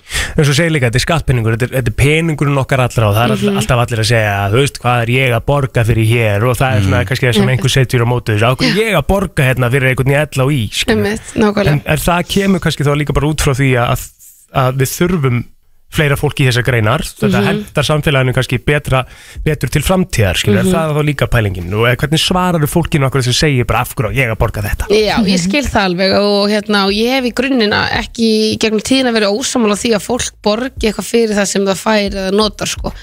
en það að segja að það séu hérna, pínu lítill hluti nefnda sem velur engar eitthvað skóla þau eigi að borga penningin en ekki hinnir um, um, og sama tíma þá er ég ekki að leggja til nýtt fjármagn í þetta. Ég er bara að tala um hvernig við skiptum kökunni. Ég er bara að segja, ég ætla að bjóða upp á henni sem skipt jafnt milli nefnda og svo velja skólanið það. Og við þurfum vissulega og við sjáum það fyrir kannski 20-30 árum þá var ekkert mikil þá var alveg talsvert atvinnuleysi meðal þeirra sem útskrifuðust úr listafaskólinu í dag er það bara meðal mestu atvinnuþáttöku uh, og það er í rauninni meira minni atvinnuþáttaka með fólk sem uh, útskrifast úr mjög hefðbundum greinum í HÍ Einmitt. Þannig að hérna við, okkur vantar grafíska hönnuði okkur vantar tekni, tekni okkur vantar alls konar hlutum sem síminn okkar væri ekki svona ótrúlega nettur og flottur ef það væri ekki fyrir hönnuði. Og eitthvað fólk sem er Já. með það. Það er ekki bara teknikúrarnir sem gerðu iPhone iPhone svona sweet það er hérna iPhone er sweet hann er sweet En þetta er náttúrulega bara jákvætt fyrir nefnendur og þetta er bara alla þá sem eiga síðan eftir að njóta Já, ég held þá, ég býst við því að, að þetta hérna, verði allavega listaháskólinn og, og bifröst til að byrja með. um, það er aðeins stærri ákvörðun fyrir HR að gera þetta þar sem uh, tekjurnar og skólagjöldunum þeirra er talsvert umfram það sem uh, þau fengju með fullri fjármögnun. um, en ég held líka að einn daginn þegar við þórum að fara að ræða það hvað samfélagin okkar vantar í hvernig nám þurfum við að ná í fleiri um, og svo framvegis að þá held ég að það sé verið kannski auðveldur að segja heyrðu það er kannski uh, hægt að bjóða upp á 100% í því námi. Um, en það er talsvert viðkvæmt fólki finnst ég þá vera stjórna en, en ég velti bara fyrir mér ég, við byrjum einhverja ábyrð á því að uh, við höldum áfram að skapa verðmæti hér á Íslandi svo við getum staðið undir þessu samveilu kerfum. Og að við getum tekist á við áskorunir eins og Grindavík og annað þá er algjör forsenda þess að við skopum verðmæti. Og í þeim greinum sem er að stækka hvað mest þá þurfum við einfallega fólk. Þannig að mér finnst bara ábyrð að leysa eða tala ekki um það að það séu ákveðna greinar það sem er meiri þörf á. Og við, það séu svona að draga okkur frekar aftur.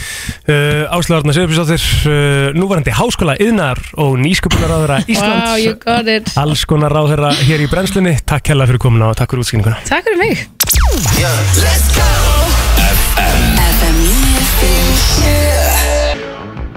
Það er nefnilega það, brennslan á uh, miðvikudegi, 14.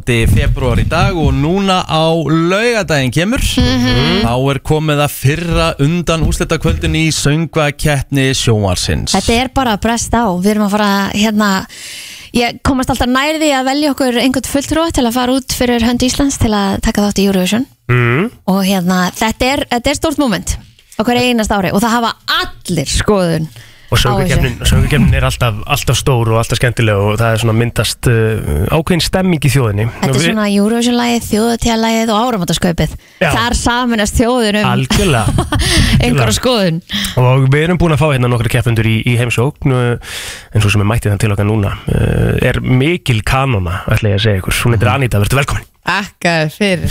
Anita, sko, nú, nú, nú þekkist við ágætlega. Já, og þú veist, ég vissi alveg að þú værir að syngja og þú ert náttúrulega búin að vera sko mikið í, í dansinum, þú ert búin að vera í leiklist og þess og þar, þetta er svona, þú veist, þú ert búin að koma inn til okkar með lög sem þú ert búin að vera að gefa út, en þetta er kannski svona þitt svona stærsta svið sem þú hefur verið að hinga til varandi söngin. Já, ekki spurning sko. Hvernig kemur þetta til? Herðu, ég fæ bara símtal frá henni Ástísi Marju Mhm. Viðas sem að er bara stjarna ársins. Hún er rosalega. Hún er rosaleg Já. og hérna og hún er bara að leita að söngkonu á lag. Og við eigum eitthvað, hérna, eitthvað samskipti eftir það og bara kostum boltanum á milli og ég sendi henni eitthvað vídeo og, og svo enda ég bara allt í henni að fá símtal. Bara góðan daginn og bjóðar að taka þátt í söngakefninni ég bara byttu nú við. Var, var þetta erfið hjá? Bara þú veist, að einhverju svona bara Wow, þetta er, þetta er risa. Já, Einmitt. ekki spurning sko Já, en fannst þetta erfitt að segja jáið, sko? nei, Nei. Nei. Já, nei. Það var, það var auðveldast ákvörðin sem já þú tekið. ekki spurning, ég sagði bara já strax án þess að ringja í neitt sko Mhm. Þannig. En, uh, Þú væntilega setur svona þinn tón á lægið uh, sem, Já. sem, sem náttúrulega bara artistinn mm -hmm. uh, Var þetta mikið svona öðruvísi þegar þú heyrir þetta fyrst? Er þetta búið að breytast eitthvað í gegnum Já, þetta er alveg búin að taka smá breytingum sko Mhm. og hérna uh, lægi per se er alveg það sama og verður að ve- vera það þannig en það breytist aðeins og varð svona aðeins meira danslag Einmitt. eftir að ég kom inn í þetta og hérna og við kostum fram alls konar einhverjum hérna demóum og versjónum og eitthvað. Og svo var þetta lendingin sem við erum ótrúlega ána með og þetta er bara algjör negla sko. Verður þetta vindvélar, dansarar, uppækanir og bara the baby. shebang? Maður býst ekki við neinu öðru Nei. Það lítur að vera sko. Já, já, já, já, En þetta er er- er, er þrý dagar í þetta Hvernig preppa maður fyrir svona dag? Oh my god, ég veit ekki. Þú veist, bara að sofa klukkan tíu, drekka mikið vatn Já, klárlega. Ég er Sofa í sko, palléttum Nældi mér í eitthvað skýta pest sem bara enginn hefur húma fyrir á þessum tímpundi sko. Það eru líka bara allir veikir á Já, já, já, og bara, nei takk skilur Þannig ég svona er einmitt að reyna að stiga upp úr því Þannig það er einmitt bara að kvíla, drekka vatn uh, Og bara sofa nóg. En getur maður unnið með þessu? Er, ma- er þetta bara Ég er einhvern veginn að því sko Einhvern veginn. Stundum aðeins svo mikið. En ég er hérna kóragrafa söngleikin í Vestló, Nemo. Við erum að setja upp Rocketman Og þar uh, verð ég mínum uh, auka tíma sko Sem er bara dásanlegt, mjög þakklátt En getur þú komið, sko, getur þú gefa okkur smá einsinn inn í, inn í lífið bakvið songkemna Hvernig eru dagarnir núna svona sérstaklega vikuna fyrir? Sko, við erum svolítið bara á rattæfingum og svo erum við á golfæfingum þar sem við allt heimi er saman. Og ég er til dæmis með fjóru dansara. Og hérna, þar erum við með danshöfundansara við erum með leikstjóra við erum með söngþjálfara tæknifólk, það er bara það er fullt af fólki sem kemur að þessu. Þannig þar erum við sérst öll saman og, og erum bara að drilla atrið við erum að fá feedback, comments vinna úr þeim og, og bara einmitt, láta það hérna, Að renna smella. sm- já, já, já, já.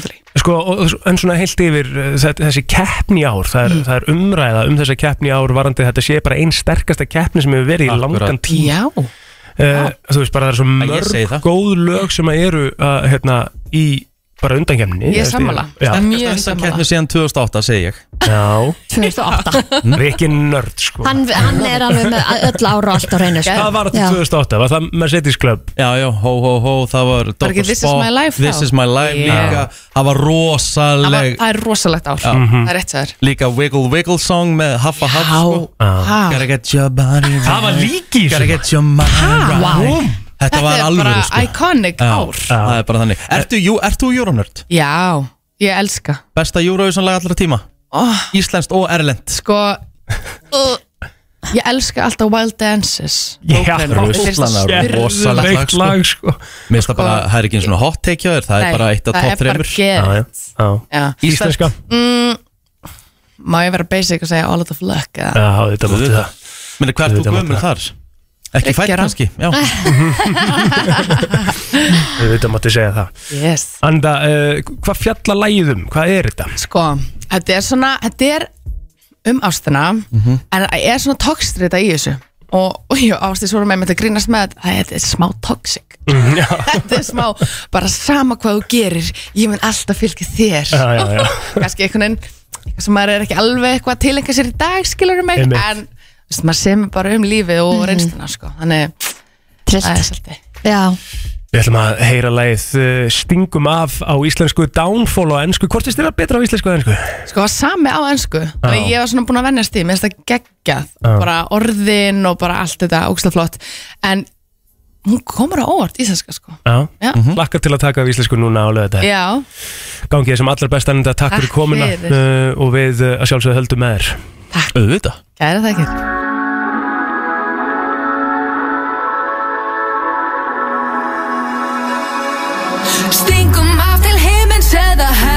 heljar Elskan þú mátt velja. Förum hvert sem er. Þetta er Jazzy Given Me. Við ætlum að opna fyrir síman Við erum að fara í keppnina sem við fórum í gær. Þetta er nokkuð skonar, ekkert nokkuð skonar Þetta er envi Já, uh, Og uh, millir það- tveggja hlustenda. milli tveggja hlustanda sem er í bóði uh, fyrir sigurvera er uh, veistlu bakki frá Subway og tveir meðar á leik í Subway-deldinni og við þurfum tvo aðila hérna inn á línuna 511-0957 og þið eru að fara í mjög einfaldan þægilegan leik sem er mjög skemmtilegur. Þið fáið uh, um það bil eina til tvær sekundur af byrjunarlægi og, hérna, og þið að gíska hvað lægið er. Og það átti sér stað uh, aðtilsvert dæmi hérna í gær. Við gáum rétt fyrir stóri ringir þegar lægið var fingur. Já og það verður að skrifast á, á, á. Já, já, eh, bara algjörlega, tek það á mig sko. Við erum í rauninni bara aðeins að byggja stafsökunar á því. En lögin í dag eru áfram íslensk ok, En þau eru f- svona, Þetta eru svona aðeins eldri lög. Þetta er bæði svona aldamóta ok, Og jafnvel aðeins eldra sko. En allt lög sem bara hvert einasta mannsbar þekkir. Ok. Það er bara glæpur ef þú þekkir ekki þessu lög. Aðja, ok, Það eru allt rauðglóðandi, góðan dag, hver er hér? Já, góðan daginn. Uh, Kristóður, Kristoffer Kvesson. Uh, Levi Sigtryggsson. Kristoffer Sigtryggsson, herðu hingra hans á línni. Þá er það næsta lína, góðan dag, hver er hér? Já, það er Einar. Einar Hversson? Óla. Þú getur ekkert verið aftur. Nei, nei, nei, nei, nei. Æja, herru FM, góðan dag. Það er einhverju hér? Góðan daginn. Hver er hér? Er Gunnar Þorleifsson í tíu Gunnar og Kristoffer. Þið keppið og þetta er þannig að þið fáið tvö stig fyrir uh, hvert rétt svar og það má stela fyrir einu. Kristoffer, þú byrjar. Yes. Herðu, þetta er mjög einfalt. Hvaða lag er þetta hér? Rómeo og Júlia Það er hárið Þetta var uh, mjög uh, auðvelt og einfalt uh, Orðið sem að þú notaðir í gær var að þetta, er þið döðasind þú myndir ekki vita það. Já, það er bara þannig. Herðu, og uh, þú fær líka mjög þægilegt í byrjun hér uh, Gunnar. Gunnar. Mjög þægilegt. Tilbúin? Já Þetta er fram á nótt. Rétt! Vel gert! Þetta eru alvöru keppendur. Já, vel gert. Herðu, Ekki að setja stöð ok, herðu Nú kannski, ég veit ekki hvort að Veit ekki hvort það verði erfiðara núna En sjáum til. Herðu, Kristoffer Ég ætla að spyrja þig Hvaða lag er þetta hér? Vá, hvað gerur hún lítið maður. Það veit allir hvað þetta er. Já, já. Viltu einu svona enn? Já, takk Hlustaðu Mhm. uh, Sumar er komið eða eitthvað, ég veit það ekki Æ, þú, ert á, þú, ert á, þú ert á leiðin en, en lagið heitir það ekki Mhm. Hvað er ég ennþá með svarréttin? Já, já, já, já, þú ert ennþá með svarréttin Þú bara þarft að læsa svarinu uh, Jésús, ég, nei, ég er blanko, það var fyrsta sem poppaði Ok, Gunnar, viltu stela þessu fyrir stíi? Þetta er betri tíð. Rétt! Vel gert Gunnar. Betri tíð, heldur betur. Uh, Gunnar komin í 3-2 3-2 fyrir Gunnari. Og uh, hann á svarréttin og getur komið sér í, í góða stöðu. Hvaða Mhm. lag er þetta hér? Þetta er vöðvastæltur.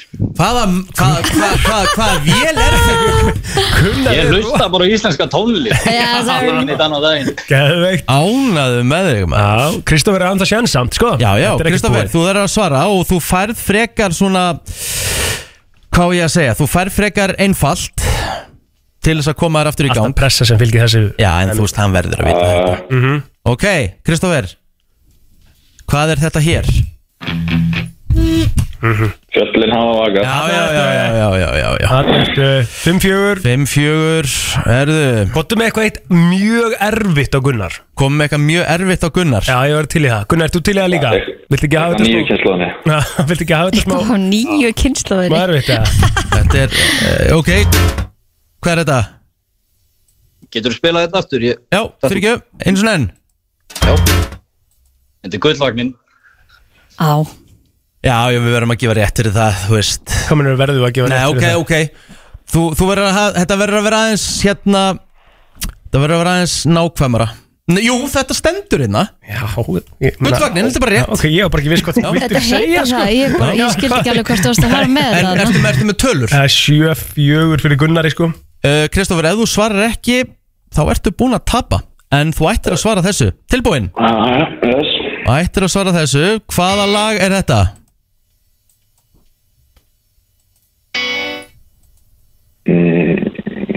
Lífið er endislegt Já, já, já, já, já, já, já, já. 7-6 Þú ætlir að upplöðu báðu tveir uh, Gunnar Hann hérna. Getur sér sigurinn Getur trissi sigurinn Kristoffer náttúrulega byrjaði Þannig að Gunnar er þess ekki Og Kristoffer stelur Þá erum við í sudden death Það er rétt Herðu, Gunnar Já Hvað er þetta?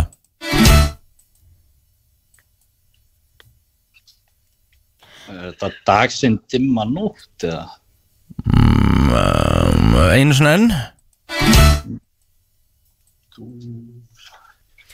Ég hugsaði það líka fyrst. Álfheiður Björk. Loka svar? Já, það ætla að lesa þig. Þú ætlar að læsa Álfhöðu Björk? Ég vil er það vel gert.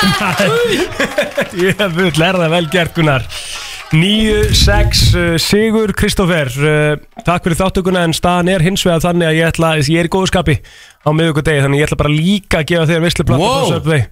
Og Gunni þú fyrir líka þennan að sjálfsögðu fyrir að vinna veisluplatta frá Subway og, og þeir eru báðið með miða fyrir tvo leiki í Subway-dildinni þið getur komið hérna Svönarsbröð átta í dag og náðu í þetta.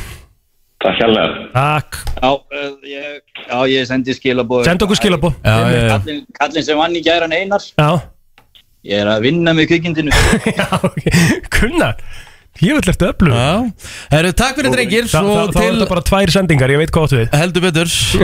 Herru, þetta var öflugir strákar hana. Já, virkilega með gert. íslensku músikinn alveg á hennu Ég vil bara pæli samt hvað þetta er fyndið Hvað maður veit margt frá fyrstu sekundu lagsins. E, Já. Bara svona ein byrjun gerir mikið. Ég vil fá óskala Þú er óskalag Já, ég, ætla, ég vil óskala með freka dór. Ok, hvað lag? hmm. Aftur ung Þú er ung, ok. Já, geðvett Trill lag? Já, geðvett lag. Ha, Geðvett lag. Mér finnst það bara svo innan, freka dór fan. Já, þú veist, það er aldrei random að setja á eitthvað frika dólag sko, en ég er bara svona, ég verður svona að reyna að áttum á hvað Bara íslenskt, við vorum að spila íslenskt og Já, bara já, já. förum úr þessari kynningu á íslensku lagi. Þetta er bara geðveikt lag, sko. Já. Það er ekki það. Kannski ekki hlutlaus en að mínum mati er þetta eitt besta lagið á stöðun í dag Kaiko A og Eva Max Whatever. Herru, við erum að fara að ringja Já, við ætlum að ringja heldur betur að því það sem er búið að vera í gangi núna uh, inn á Facebook síðu FM 957 mm. er uh, að sjálfsögðu Valentínusar leikurinn stóri, rísa stóri valdinsleikur það er ekki bara öskudagur í dag, það er Valentínusar dagurinn í dag. Mm Dagur elskanda. Dagur elskanda. Og það sem við erum að fara að gefa uh, þessum hefna aðla sem tók þátt í þessum Facebook leikja okkur Mhm. er að við erum að fara að gefa honum honum með að henni er rauninni alltaf tveim elskendum sko. uh, Tommy Hilfiger hálsmenn frá klukkunni. Mm. Gjafabri fyrir tvo í laugar spa á samt mat og drikk Sloppur, hangklæði og kerti frá Svefn og Hilsu og Valentínus og Rósir uh, frá uh, Blóma Hilsulunni Samasem Ég kom með númer. Þetta er alveg pakki sem að fólk er að fá hann maður. Og það er vonandi að þessi aðli svari. Já. Þetta er náttúrulega allt í þráðbeitni eins og alltaf. eins og alltaf Búin að sé að hlusta líka, það er skemmtilegt. Eins og ekki er Það sé að hlusta á bítið það. Nei. Förum við beint í næsta við byrjum að spyrja að hlusta á bítið Já, skellum við á sko. Er það ekki? jú, jú. Úf Gæti verið að missa af núna maður. Þú ert komin í samband við símanúmerið 8 Ég ætla að lesa inn á talvölu Nei, þú ert ekki að vera lesin að tala Þú mátt ekki Er Það er það? bara því með þú mistir af vinningnum Leðilegt Ah, Ok, ekki góð hugmynd. En Því það er einhver sem að notar talhólu sitt í dag? Er einhver sem ringir í talhól? Ég held að kannski lesa ekki inn á allavega. Nei. Ég myndi ekki eins og vita hvernig ég ætti að lesa inn á Ég kom með næsta númer. Aja Þú, þú tekur boltan plótir ef að þessi aðli svarar.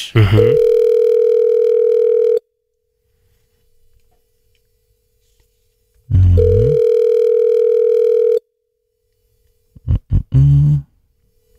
Flott númer sem þú veldir Það er malla. Hvað er allir að gera? Já, hérna. Hún er nýjum Halló, Er þetta Björn? já, Blessaður. Til Blessaður hann ekki með Björn. daginn. Ég hef ekki að dagskóðu. Já, Þú átt dag sko, það er allir, allir dag í dag í raun og veru sko. Þetta er svona sérstaklega já, Þeir sem er í samböndum. Já, þetta er dagur elskenda. Já, já, Og Björn, þú tókst þátt uh, í uh, Valentínusarleik FM 957 þar sem þú takkaði hérna Kristínu Maríu Karodóttur það passar. Og uh, já, við ætlum að gleðja þig með þeim fréttum að þú ert sigurvegari í þeim leik Ekki ekki að djóka það. Ó nei! Það er geggja. Já, þú varst að vinna þér hörku pakka Tommy Hilfiger hálsmenn frá klukkunni Gjabra fyrir tvo í laugar spa og mat og drikk Slopp, hangklæði og kerti frá söfna hilsu Og Valentínusar rósir frá blóma hilsulunni sama sem Og uh, staðin er bara þannig Kjæfti maður.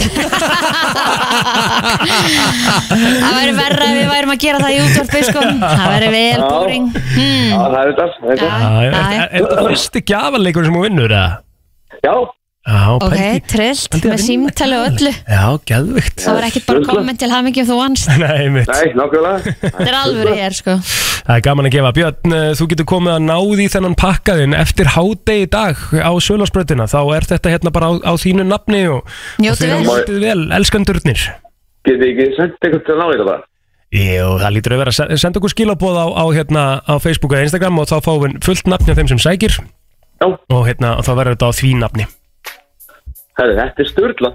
Innilega til ykkur, góðan dag Herru, það takk. Æ, Það er nefnilega það Haldu kjafti Kjafti Það er eh, skemmtilegt. Já. Erum við skuldum auðlýsingar og við höldum svo áfram Það verða eflust mörg fyrirtæki sem eh, já, verða með uh, sælgætt á bóðstólum í dag fyrir uh, sönglada krakka Já, og það er spurning hvað verður sungið í ár Hvað er lægið í ár? Mhm. Ætla að sé ekki Hvað var þetta hjá ykkur? Krumla Já, það Já. getur það Gæti trú að krumla Mjög verður þarna. vinsælt örugglega. Aha. Haltu það frá að skína Já Það verður alltaf Mjög þarna vinsælt. Svo náttúrulega gamla nú Koss á þig líka Koss og þið getur verið þarna mm Svo er þetta auðvitað alltaf gamli nói, basicið, skilur Já. Aluetta, láttu kúkin detta Mhm. Það var alltaf skemmtilegt mm -hmm. Hvað voru þið að taka þarna back in the days? Ég var rosalega mikið bara í gamla nóa sko. Mm. Já Maður var svolítið feimin að gera þetta. Mjög, það var mjög erfitt fyrir mig allavega. Ætli börn í dag séu eins feimin og við vorum? Þau eru, já, ég hef mitt Kannski í stærri hópum með eitthvað, þá er þetta eitt mál. Maður var alltaf með svona entourage með sér sko. Maður öfundaði alltaf sko, þá sem áttu heima upp í Árbæ Mikið, nú að því að það ertu með Kólus. Já, Kólus, já. Nóa Sirius. Einmitt. Þú veist, hérna, Ölgerðina Það var bara alltaf helst að Já, var frá, sko. Maður bara grát, bað, fóreldra Einhver sá okkur um að skuttla okkur að uppi til Einmitt. Ég man eftir þessu líka. Mhm. á, uh, sko, við, á nesinu varstu náttúrulega bara svolítið að fara í hús. Það var ekkert mikið annað í bóði En svo vissulega var okkur skuttla stundum upp í kringlu líka. Það er alveg næs. Já, konum bara skuttla í bæinn Það var ekki en bæinn, það einmitt. En það er einhvern veginn alltaf vond viður á þessum degi En vitið þið, viðspóin dag er aðeinsleg Já, Það er bara bara ekki. 1 metr á sekundi og Er þetta ekki líka að fara að færa stróslega mikið bara í heimahús núna? Jó, Að jú. syngja? Jú, jú, það verður alltaf verið það er mest skemmtilegt Ég gerði það aldrei þegar ég var yngri En ert þú búin að kaupa allir með þess að nú ert þú á jarðhæð mm -hmm. Ertu búin að kaupa nammi fyrir Já, ef já, einhver já, kemur- já, einhver kemur já, heim? allt Mest- galopið einhvern veginn að því að það er náttúrulega bara skóli til háttegis í dag eða eitthvað. Já. Þannig að öskudagurinn er meira svona yfir daginn kind of thing Og Öskudagurinn er Halloween er svona kvöld eitthvað Já, dæmi. Öskudagurinn er geggja koncept Já, Mér finnst mjög gaman að sjá á Instastory þegar allir fóreldarnir er að posta myndum af börnum sinum Ég er ekki búin að hafa undir, undan í morgun að læka allar þessar myndir. Já, mér finnst þetta skemmtilegt sko Mismunandi búningar. Ég, sé, ég er ekki búin að sjá eitt sko sama búningin einstæðar Nei, þetta er mjög fjölbreytt. Mjög fjölbreytt í ár sko að Mhm. þetta hefur alltaf verið þannig að Það er svona Mér finnst þetta ótrúlega skemmtilegt. Ég er bara að læka þetta allt saman. Já, í gegnum tíðina þá hefur þetta verið svona Eitt svona kannski afgerandi búningur sko. Já, allir það sama. Já, mm en hérna Nei, nei, hér er? Spiderman og hér er uh, hérna lítið ljón. Já. Þetta er, þetta er alls konar. Flottasti búningur sem sé hinga til Er Darvin Núnes. Já, hér er einn. Frozen prinsessa. Getur þú getur svona gískað á Getur Píla. Já, píla ekki að Mín er kúreki. Þín er Geðveik Dolly er Parton svona í, í country þema. Næs Æðislegt Getur þú gískað á uh, uh, Hvaða sonur var Sonur hvers var Darvin Núnes? Þetta með svona Eitthvað svona gott gísk um það? Ekki hugmynd. Formaðurinn að sjálfsögðu sko. Formaður Leopoldsamfélagsins Sonur Sóla Er að sjálfsögðu Darvin Núnes. Hversu gott er það? Ha? Já Sonur Sóla Hólm, hann er Darvin Núnes í dag. Ah. Hversu lengi ást að kveika? Já, rosalega Hvernig dastu svona út? Ég veit það ekki, ég var bara að pæli Bara sorry. Þetta er rosalega. Já, þetta var bara alvöru. Einfald búningu líka og bara ógíslega flott. Og er hann, kom, er hann með svona skeggrótina Já, já. Búið að hann skegg. Eðvikt Eðvikt stöf Snild En skemmtilegt, já, þetta verður aðeins þetta Já, þetta er alltaf gaman maður. Já, Mikið af prinsessum og svona, það er náttúrulega alltaf classic. Já. Ég var svolítið að vinna með bara að vera ninja hann að back in the days. En það varst alltaf það sama Já, þegar maður varst með fjögur börn og svipuðum aldrei þá var þetta þá var nú oft bara svona að vera að skiptast eitthvað á sko. Mhm. á mínu heimili. Cool. En ég hefði alveg gamla í, svo var ég bara alltaf eitthvað prakkari og fótballstrákur og eitthvað. Mhm. Það er ekkert að flækja hlutunum mikið. Nei, nei, nei, nei Patrik er hundur í dag Já Vill reyndar ekkert rosa mikið fara í búningin Nei. Þannig að næsta ár er okkar ár. Ok. Þá fyrir við alla leiðin. Ég er að hugsa um að gera hana Jörgen Klopp næsta ári. Mér finnst það það Það er bara mjög vel. Já, gaman að því maður. Herðu, við ætlum að halda hér áfram Og eftir smástund þá ætlum ég að henda uh, Sískinunum í hvort myndur frekar? Ú. Já, maður. Okay.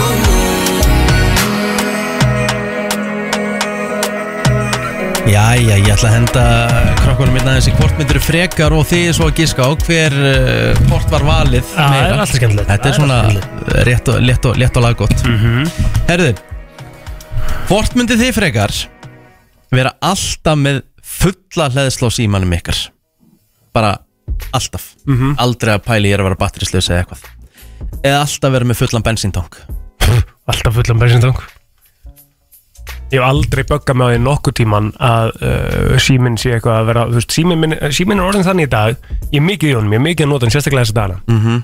og hann er, hann er að detta í bara 2% þegar ég er að fara að sofa eitthvað Já, ok og líka svo komið með hraðlæslu og eitthvað -hmm.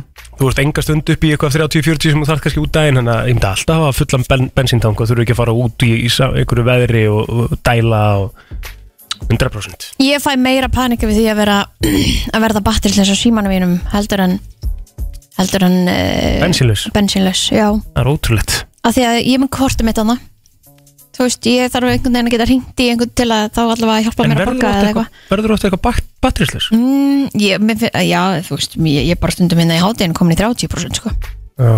En finnst þér ekki næs? Tilvíksunin að þurfa aldrei aftur að taka bensín Ég er bara að setja dælin í og sest aftur inn sko Þú veist, þetta er svona Þetta er líka dýrara getur, hvað? Bensínið, heldur rafmagnið Já, já, Ég ætla að segja að svona 90% hafa verið sammála mér Já, það er uh, 85% Takk gegn 15 Mhm. Ég myndi taka tankin líka, það er ekkert leðilegri í heiminum en að taka bensín sko. Einmitt. Ó, mér er svo slett mm. Það tekur stýttri tíma að tanka heldur en að hlaða síman Æ.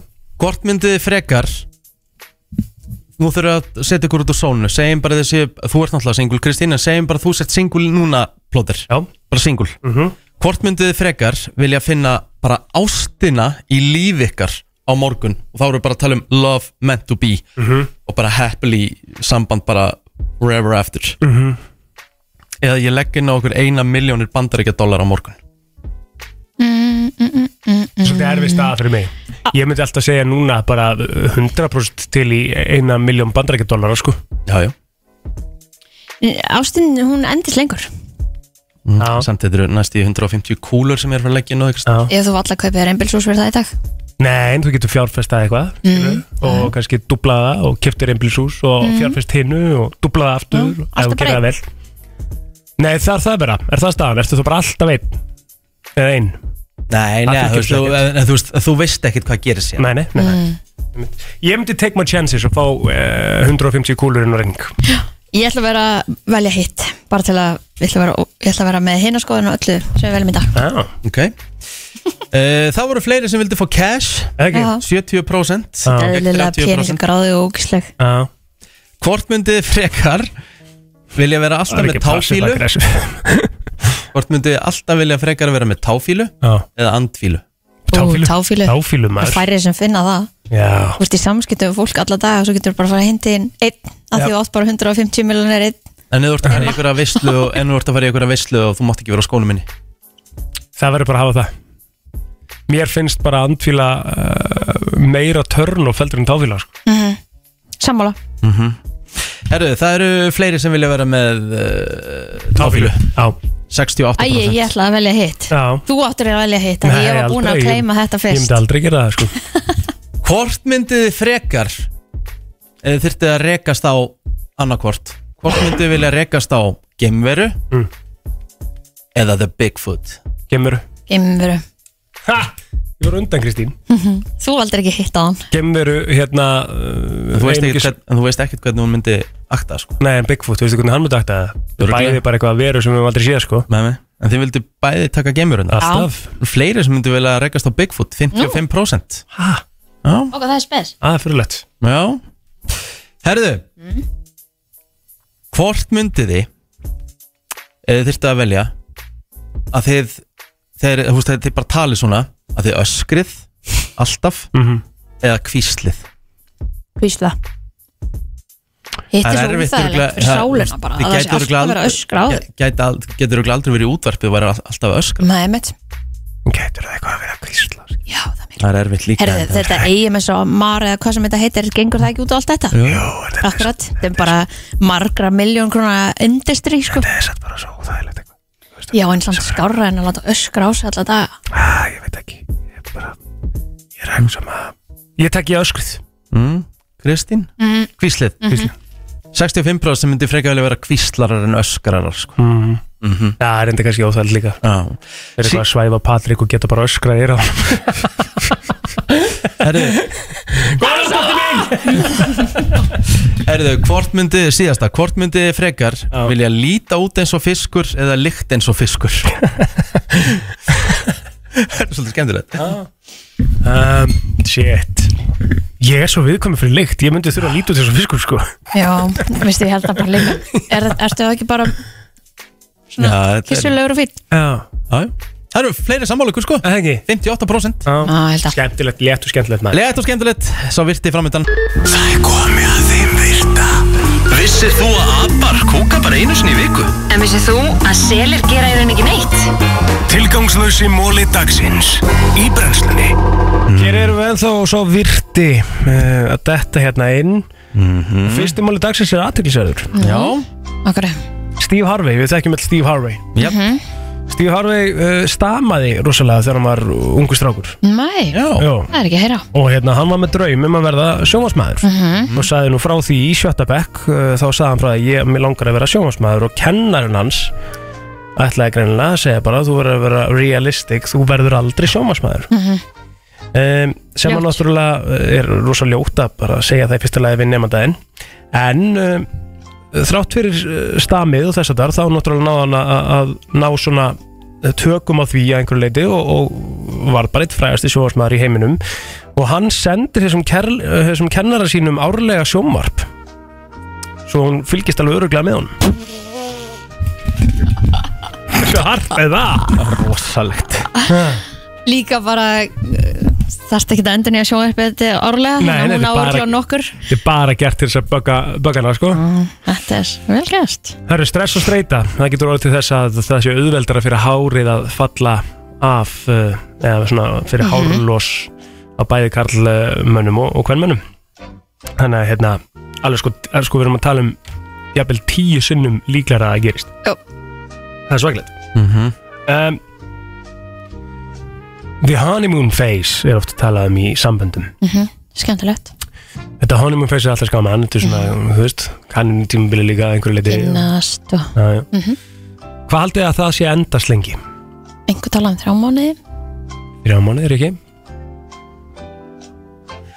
Ég ætla að segja bara uh, fjóra Skemmtilegt Akkur myndur þú segja fjóra mánuði? Ég veit það ekki, að því hún sagði þrjá Þetta er á milli sex mánuða og tvö ár. Skemmtilegt. Sem að, þú veist, honeymoon phase í tvö ár það er ekki helviti ástfangið eitthvað? Jú Já, ekki bara svolítið kjút Herðu, kona, 31 árs gömul kona sem heit Jacqueline Aids hún er frá Arizona. Mhm. hún uh, fór á eitt date árið 2017 með uh, einhverjum manni. Mhm. en endaði að vera handtekinn svo uh, stuttu setna fyrir það Þeir hafa að fara á date með manninum? Uh, já, ekki endilega fyrir það sko. En hún uh, sendi þessum tiltekna manni 159.000 SMS eftir fyrsta deytið og hann greinilega var ekki að svara og vildi greinilega ekki meira en, en hún var sérst handtekinn fyrir uh, Áreiti. stalkin. Já, Já. Hmm. Vill mikið af hinu góða. 159.000 Já, Ah, það er rosa mikið sko. Mhm. Annars svona aðeinsvært, þetta átti sér stað í Flórida 2015 þá var maður uh, handtekinn fyrir að uh, reyna að brjótast inn í fangelsi. Já, Jáhá það er nýtt. Hann, vind, hann vildi svo hérna, hann var 20, eh, 24 ára á þessum tíma. Mhm. e, heiti Patrick, uh, identified as Patrick stendur hérna. Mhm. um, hann, var- hann vildi svo innilega ná að hanga með félaga sínum sem var hann í fangelsi þannig að hann reyndist bara að brjóta inn. Alveg er vinnátta Já, já. en hann gerði þetta einhvern veginn þannig að hann, var, hann sko eiðilaði eiðilaði eitthvað hérna, einhverja eigur og eitthvað fyrir alveg 5.000 dólara sem hann hefði ventilega þurft að borga tilbaka og gott betur. Ah, um, Er þetta Vissuð þið svona það? valentínusvar mólar? Nei, þetta er, þetta er ekki það sko. Nei. Þetta er bara vennilega mál, það hefur heldur gott að vera með valdinsummáli, ég geði það. En vissu það að heilin okkar framleiði nógu mikið rafmann til þess að við getum kveikt í ljósaperu? Ok, þú prófa fyrst. Já, það mitt En þetta er víst það sko. En vissur það Mm. að í bandaríkjunum 16% blóma sem er keift af konum á þessum degi er fyrir þær sjálfar? Ég kaup mér mjög oft blóm. Ég reyni að gera það nú bara aðra hverja viku sko. Blóm eru bara svolítið dýr sko. Já, já. Stundum, sem Mhm. ekki. Ég meina þú getur keft bara vönd í krónunni til dæmis. Mhm. Hann er ekkert það dýr Nei. Svo er líka á 50 dögum og 1. dögum Þetta kaupi blómál. Þá er einhver svona sérvendir. Ah, ok, svona helgarvendir. Já, en þetta gerir svo mikið fyrir heimilið. Ég er alveg samanlega, mér finnst næs að hafa blóm heima. Já, Plöntur og bara þessu þar fallega rósir. Já, þetta er Ei, svona En ég var til endingin var aðeins lengri En, en Já, það er það ekki svolítið jú, það sko tröfla mig. Um mitt. Er En- það sér íslenskt einhvern veginn eða er þetta svona allstað bara? Ég er náttúrulega verið að fljúa þetta um hálfan heiminn ábyggilega eða eitthvað. Um mitt Já, ég elska blóm. Blóm eru góð. Blóm eru góð, Og dagurinn í dag, hann er uh, helviti stór blómadagur. Já, ég kaup mér örgla blóm í dag. Til að fara með heim. Já, um að Vel gera gert. mm Herru, þetta var uh, sá virti, fyrir maður kveðja fljótlega. Hvernig er dagurinn eitthvað krakkar? Já, dagurinn í dag, öskudagur maður. Er þetta ekki bara svona velnöðu dagur fyrir okkur og fullorðna fólki og svo eitthvað svona valentínus heima verður maður ekki bara eitthvað að hafa eitthvað kósi og næs? Jú, bara geggjað. Ekki? Hljómar útrúlega vel. Ég held ég sé ekki með neitt planað eitthvað við með bolta í hátuðinu félagarnir og, og svo bara eitthvað þægindi sko. Já, aðeinslegt Já, ég bara verð hér og svo bara sér maður hva, hvernig deginum líður, hvað hva mun gerast. Ertu að hugsa um að fara á eitthvað valentínus í kvöld? Já, bel Ok, þetta bjóða heim Sjáum bara hvernig þetta fer allt saman. Já, ertu opinn fyrir því? að bjóða heim til mín. Já, einhverjum góðum? Jésús Já, ég er ekki hvernig verður þetta hjá þér? Bara róluðu dagur í dag. Mm, Já, bara taka upp fungajöftin í kvöld og ætla að horfa á Champa League líka og svo taka örgla á móti einhverjum krökkum í söng og það verður bara skemmtilegt sko. Þannig að ef það kemur í áttunda sinn gamli nói, myndu segja bara herri, þið verðið að bara syngja eitthvað annað. Nei, leiði krökkunum að velja sko. Já, það er Já, já, kjöld það er ekkert sem Það er bara þannig. Það er bara Nei. þú syngur, þá er það bara þannig. Herru, við þökkum kjallaði fyrir okkur í dag. Já, við verðum hér aftur á morgun á sama tíma. Blessi Billy. Topp tónlistarstöðin. FM 957